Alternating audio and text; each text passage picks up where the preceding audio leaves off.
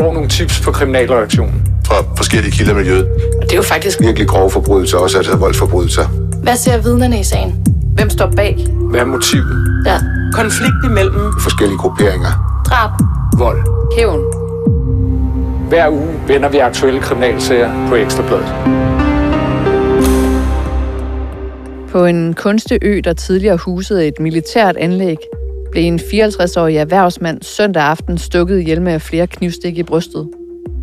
Den sag taler vi om i den her udgave af Afhørt.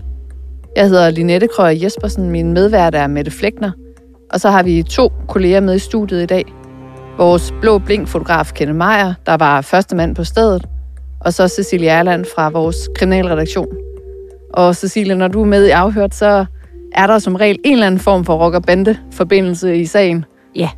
Og det er der også i den her. Det er der også i denne her. Men lad os først lige sætte øh, scenen for det her drab. Vi er jo ved Dragør Fort, øh, der ligger på en privat ejet kunstig ø.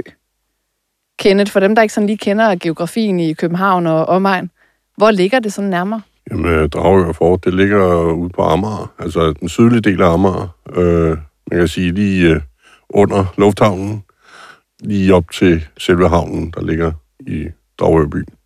Så cirka en 14-15 km fra Indre København. Ja, sådan noget lignende.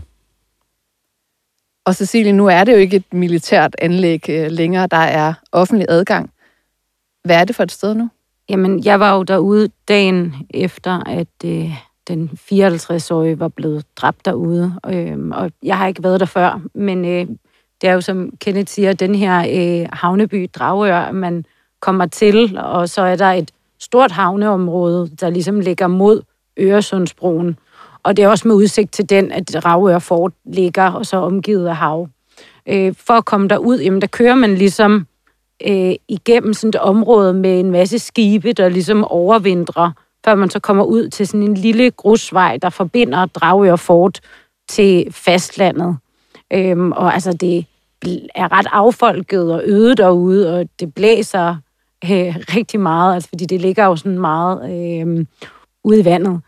Øhm, og, og det her fort, jamen, der er store øh, græsarealer, der ligesom er, er ovenpå, om man så må sige, den her bunker, hvor der nu er blevet indrettet til øh, restaurant, og der er øh, bliver afholdt forskellige events og begivenheder, øh, ofte for firmaer for eksempel. Altså det er ikke en restaurant, der bare er åben hver dag, men, men det er ligesom sådan et, et selskabssted. Øhm, og der ligger så også sådan en, en mindre øh, burger-restaurant også, som altså, hvad kan man sige, ligger lidt i et, et skur. Og det hele bærer selvfølgelig præg af, at det er det her havnemiljø, og det hele er lidt afskallet, og måske også lidt hjemmelavet. Så altså alt i alt vil jeg sige, et, et noget øde sted, øh, at mændene er mødtes den her søndag aften, hvor det sker. Og Kenneth, du er jo som regel vores øh, første øjne og ører på gerningsstedet, når der sker eller noget blå blink. Øh, den her søndag, der var vi to jo faktisk om formiddagen ude til en stor eksplosion ude i Brøndshøj i, en, øh, i et boligkvarter, hvor du havde været i gang hele natten. Og så alligevel så er du øh, til stede ved Dragør Fort øh, søndag aften kl. 18.30, eller i hvert fald lige derefter. Kan du ikke prøve for lytterens skyld sådan lige at beskrive, hvordan er en typisk arbejdsdag for dig egentlig? Jamen, det er så, man kan sige, meget foregår mere måske på vente på, at der sker et eller andet. Øh, får en opringning, kommer et tip om et eller andet. Øh, ja, det er det, der foregår. Og så er det jo så ellers bare at køre ud til de øh, ting, der foregår. Og arbejder du døgnet rundt? Ja, det, det kan man godt sige. Jeg, det, jeg, øh, jeg kan, kan tilkaldes 24 timer i døgnet, for at sige det. Ikke? Øh, Eller så rykker jeg selv på det i hvert fald, hvis der er noget, jeg fanger og fanger.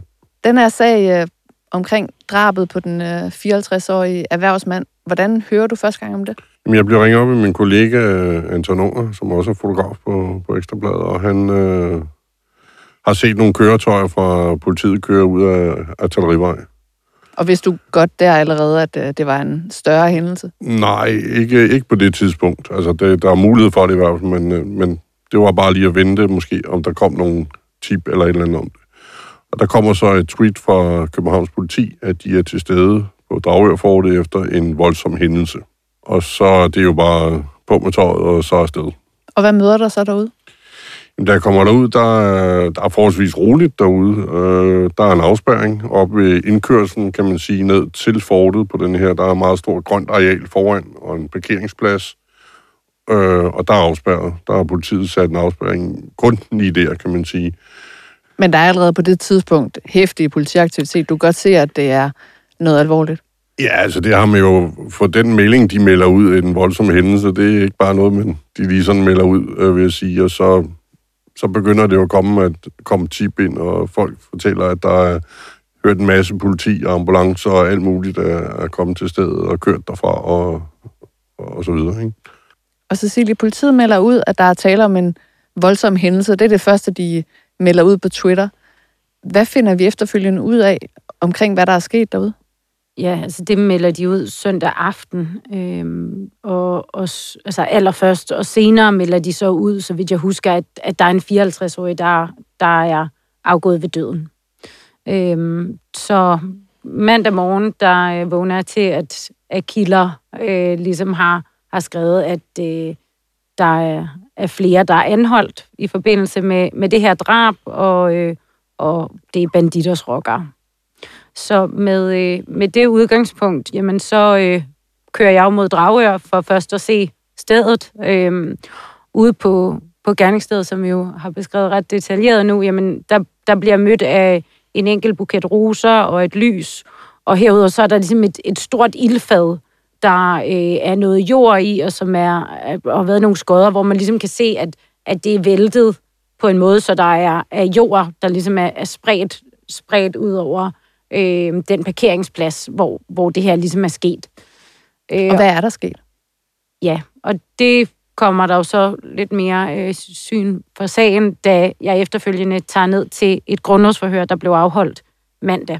Og, og lad os prøve at komme tilbage til det, for lad os lige dvæle lidt med offeret for den her forbrydelse, den Ja. ja. 54-årige mand. Siger politiet noget omkring baggrunden for, hvorfor han skulle slås ihjel?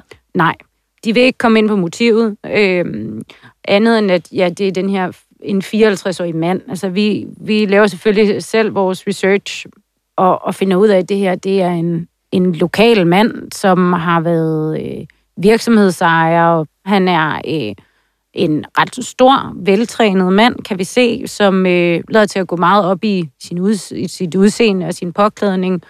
Øh, det, det, der så sker, det er, at der, der senere er blevet nedlagt et øh, navneforbud på både offer og de gerningsmænd, som vi kan mistænkte gerningsmænd, vi kan tale om lige om lidt, men, men det gør også, at der ligesom er grænser for, hvor meget vi, vi kan beskrive om ham. Øh, så, så det er derfor, vi, vi ikke går, går tættere på, end vi gør her. Og Men- vi har været i kontakt med de pårørende, som har oplyst, at de har ikke lyst til at medvirke Nej. på nuværende tidspunkt. Ja. Det vi kan konstatere, det er, at politiet de siger, at der er intet, der indikerer, at der var tale om et tilfældigt offer. Ja, Altså, det, øh, det var ret tidligt, de var ude og sige det, og det er selvfølgelig, fordi man hurtigt kan, på en eller anden måde, øh, har de fundet ud af, at der, jamen, der er nogle ting, der gør, at det nok er ham, der har været målet, og det er selvfølgelig også for at gøre folk i, i Dragør, jamen rolige, at der er ikke en, der går rundt og, og stikker folk ned. Øh, At der simpelthen På ikke er en gaden. morder på fri fod, ja, øh, der ja, lige præcis. stikker tilfældigt ned. Ja. Og, øh, og det kan jeg også komme ind på lidt senere, hvorfor det er, at øh, politiet kunne sige det, som de gjorde her. Ved vi, om offeret han selv øh, har forbindelser til rockermiljøet? Han skulle ikke have nogen kendte rock- og bandeforbindelser overhovedet, og, og det er også helt klart vores indtryk, at der ikke er tale om nogen øh, bandekonflikt på vej på Amager eller lignende. Altså det her, det er noget personligt. Og det kan vi jo konstatere, at der har jo tidligere været forskellige bataljer omkring netop kampen om, øh, om Amager, men der er altså ikke noget Lige her, præcis. der tyder på, at det hænger sammen. Ja, og det, og det er jo også derfor, at jeg netop nævner det, fordi vi, vi mange gange har fortalt om, hvordan det ulmer i lige præcis det her område. Men som sagt, det er absolut ikke vores indtryk. Lad os vende blikket mod øh, de sigtede i den her sag. Altså allerede kort tid efter drabet, der øh, anholdt politiet to mænd. Og Ja. senere, onsdag, der øh, kom der så også afgørende nyt i sagen, da de anholdt øh, endnu, øh, da de fremstillede endnu en 28-årig mand. Men kan du prøve at fortælle, øh, hvad de her mænd, de er sigtet for? Øh, de to mænd, der først blev øh, anholdt kort efter drabet, og så blev fremstillet mandag, det er øh, to mænd på 28 og 31 år. Og øh, det kom frem i retten, at de er sigtet for begge to at have medvirket øh, til drabet ved at have planlagt og koordineret drabet med flere gerningsmænd. Og herudover har så den 28-årige af dem øh, været med til at stikke ham ihjel den aften. Altså det er politiets indtryk. Så de mener altså, at den 28-årige, han har været med til at tildele de her knivstik, men at den 31-årige ikke nødvendigvis har været med til selve Nej. drabet? Nej, men er han forud for, for timerne, øh, eller i timerne forud for drabet, der er sket omkring kl. 18.30, jamen der har han været med til at planlægge og koordinere det, sammen med både den 28-årige og nogle andre også. Og øh, de nægtede sig skyldige, og dørene blev lukket til det her grundlovsforhør, så derfor har vi ikke så mange flere oplysninger derfra. Øh, men det vi så hurtigt kunne stykke sammen, øh, det var, at jamen, begge de her to mænd, de var banditersrokkere. Den ene er krigsminister, øh, såkaldt krigsminister, og den anden er øh, prøvemedlem i, i Banditers. Og onsdag, der kom der så endnu en fremstilling, den 28-årige mand. Endnu en 28-årig. Han blev øh, anholdt tirsdag, og øh, der var også rensagninger ude ved øh, rockerborgene øh, på Amager og i Sydhavnen. Der var Kenneth også ude og, øh, og se, mens det var i gang. Øh, og han blev så fremstillet i grundlovsforhør her onsdag. Og, øh, og ja, der kan man sige, det, det var jo ligesom afgørende nyt, at han øh, valgte at sige, øh, for det første kan vi så sige, jamen han blev præsenteret for en sigtelse, der hedder drab, planlagt drab, i forening med de to, der allerede er varetægtsfængslet, Og muligt også flere. og muligt også flere, ja. Og til det har han så erkendt, at han har været med til at tildele de her knivstik, eller han sagde faktisk, det var kun ham, der gjorde det, og ikke i forening med andre. Og han hævder så, at der er tale om nødvæve, altså at han har gjort det i selvforsvar, og, og han har så erkendt øh, grov vold med døden til følge.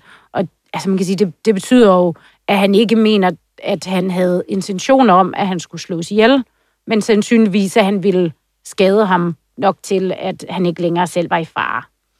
Øhm, og vi havde så vores kollega Amalie nede til det grundlovsforhør, hvor der igen, ligesom til første retsmøde, var banditersrockere også til stede på tilhørrækkerne. Øhm, og han er så også blevet varetægtsfængslet i, øh, i 22 dage. Og hvad har Amalie fortalt omkring den øh, afvikling af retssagen i, øh, i dommervagten? Der var banditersrockere på plads, og, og det var der ikke, som jeg også sagde før, det var der også øh, her for et par dage siden, da de to første blev fremstillet. Og øhm, altså ham, der var, blev fremstillet i dag, jamen han var også kronravet, havde tatoveringer ud på hænderne.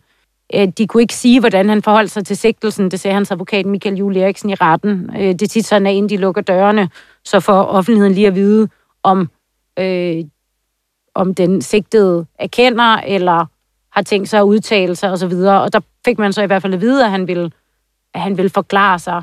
Og, øh, og så måtte man undervejs finde ud af, om der så var tale om en erkendelse eller ej.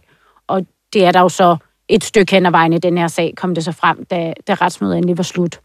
Så han siger, at det her det er ikke sket i forening med andre. Det var ham selv, der fandt på det, og der var tale om nødværve og dermed vold med døden selvfølgelig. Det er hans Ja, forklaring. det er hans forklaring. Og det øh, opklarer selvfølgelig ikke, hvorfor at de to mænd mødtes det sted, altså den her 54-årige erhvervsmand og den 28-årige rocker, øh, der så havde kniv med til det her møde. Øh, øh, så, så der er stadig masser af spørgsmål, øh, der, der mangler at blive besvaret, men, men det er klart, altså vi er jo et, her få dage senere allerede et, et godt stykke ind i, i efterforskningen, må man sige.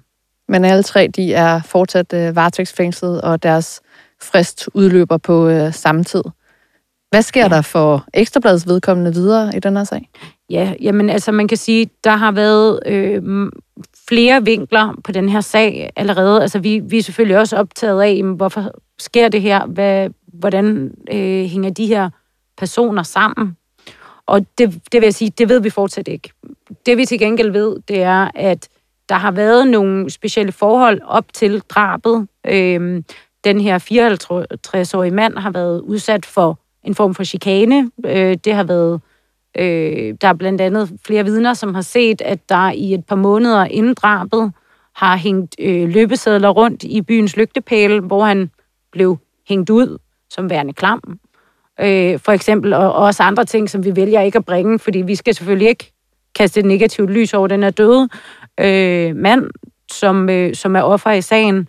Men det er klart, der er mange, der har set de her, og øh, vi har også talt med politiet, som hverken BB eller afkræft, og hvorvidt det her er en del af, af efterforskningen. Men det vi så også ved nu, øh, ifølge kilder, det er, at han inden han stød, faktisk er blevet kontaktet af politiet, der har fortalt ham, at han var i fare. Og det er heller ikke noget, at politiet selv vil bekræfte. Så politiet har simpelthen, ifølge vores oplysninger, ringet til manden og sagt, at øh, han var i fare? De har øh, ja, kontaktet ham inden og fortalt, at han skulle øh, være lidt i alarm. Og hvad der så, hvad, hvordan han så har valgt at reagere på det, det ved vi selvfølgelig ikke. Men, men at han har fået det her opkald, det, det er, vi, øh, er vi ikke i tvivl om med, med den information, vi har fået fra vores kilder. Så vi skal altså understrege, at det her, det er ikke officielt bekræftede oplysninger fra politiet. Det er noget, vi har fået at vide fra kilder. Fra selvfølgelig troværdige kilder, ja. Tak for den her gennemgang af sagen.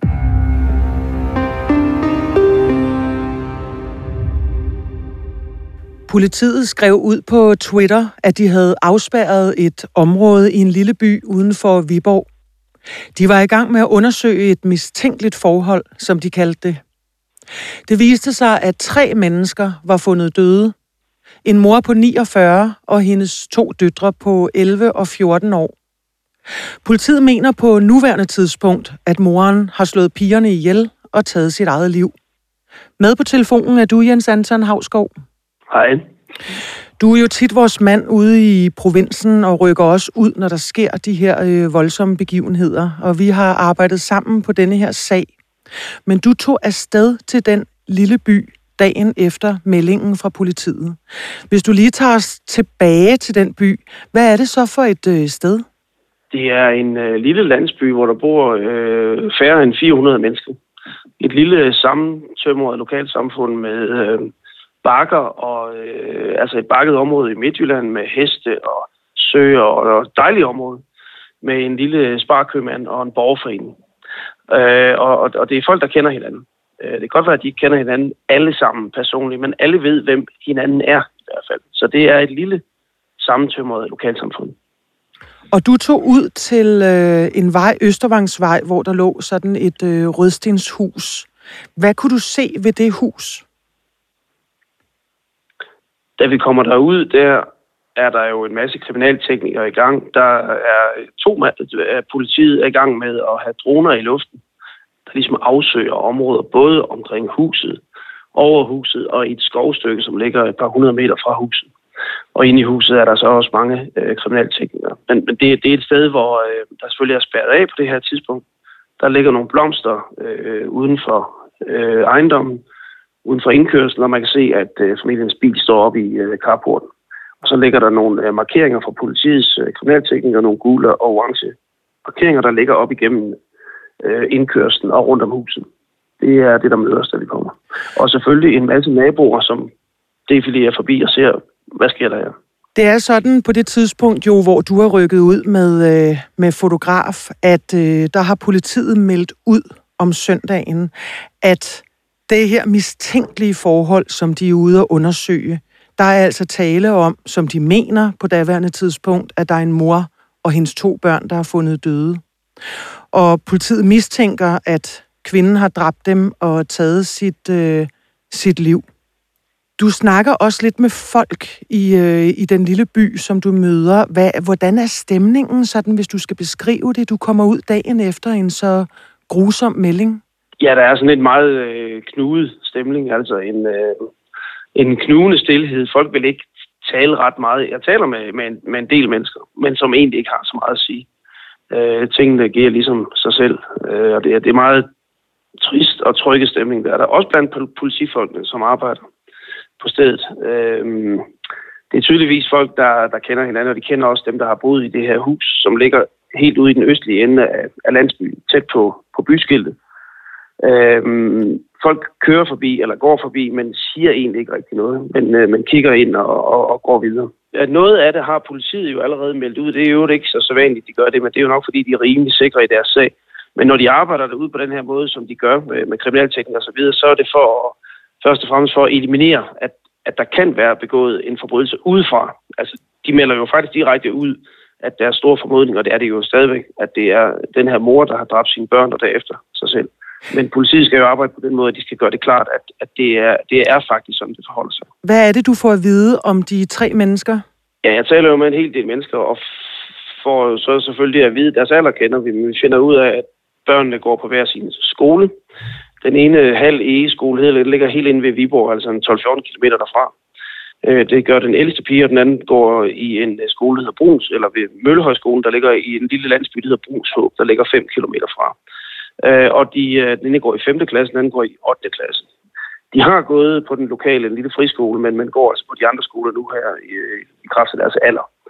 Øh, så altså, øh, om, om, om moren der, øh, hun øh, har, har lavet en hel masse forskellige ting og har senest haft en rengøringsfirma. Det er det, vi får at vide. Derudfra researcher vi så ved at, at spørge videre og har så været i lokalområdet de sidste par dage.